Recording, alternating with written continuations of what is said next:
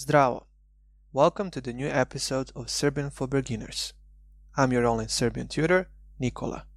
Before we start, make sure to follow my Instagram page, Learn Serbian or Serbian Language Network, where you can book your free trial lesson and find even more learning materials. If you have any question, you can also write me at email in the description of each episode. Today you're going to learn how to introduce yourself in Serbian.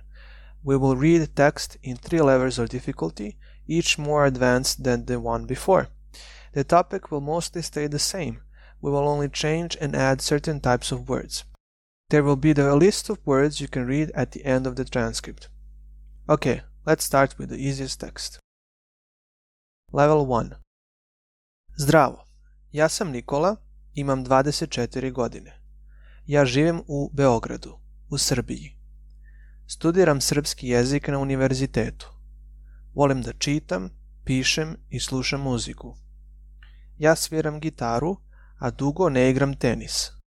Hoću da idem u London. Could you understand anything? I try to use short sentences, limited vocabulary, and present tense only. Even though nothing is wrong with this text, it's always better to expand it and include more diverse vocabulary. Let's try to do just that. Level 2 Zdravo, kako si? Ja sam Nikola i ja imam 24 godine. Sada živim u Beogradu u Srbiji. Ja sam student, studiram srpski jezik na univerzitetu u Beogradu. Mnogo volim da čitam, ali volim i da pišem. Mnogo volim da slušam muziku svaki dan. Ja znam da sviram gitaru, a volim da igram i tenis, ali nisam igrao tenis baš dugo. Želim da putujem i da idem u London. Kako se ti zoveš? Gde živiš? For some students, this can be more challenging. I included new vocabulary, adverbs, verbs, and some common expressions like kako si. Let's take a look at the level 3. Level 3 Zdravo, kako si? Ja se zovem Nikola i imam 24 godine. Trenutno sam u Beogradu u Srbiji. Ovde studiram srpski jezik na Beogradskom univerzitetu. Ja sam na poslednjoj godini studija. Baš volim da čitam, ali još uvek nemam omiljenu knjigu. Volim i da pišem, takođe. Svaki dan kada odmaram, slušam muziku. Znam da sviram gitaru, ali ne sviram trenutno. Kada sam bio mali, trenirao sam tenis, ali sada više ne treniram. Želim da putujem. Ići ću u London godine. Kako se ti zoveš? Živiš? Da li voliš Srbiju?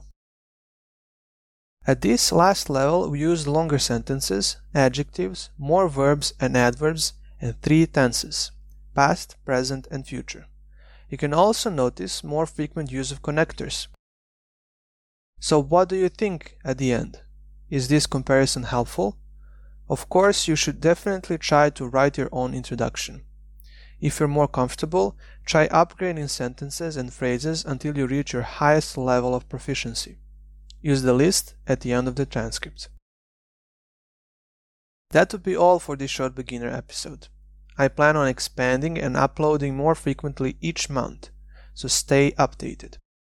Please follow the Instagram page Learn Serbian or Serbian Language Network, where you can book your free trial lesson. If you have any question, you can also write me at email in the description of each episode. Vidimo se uskoro. Ćao!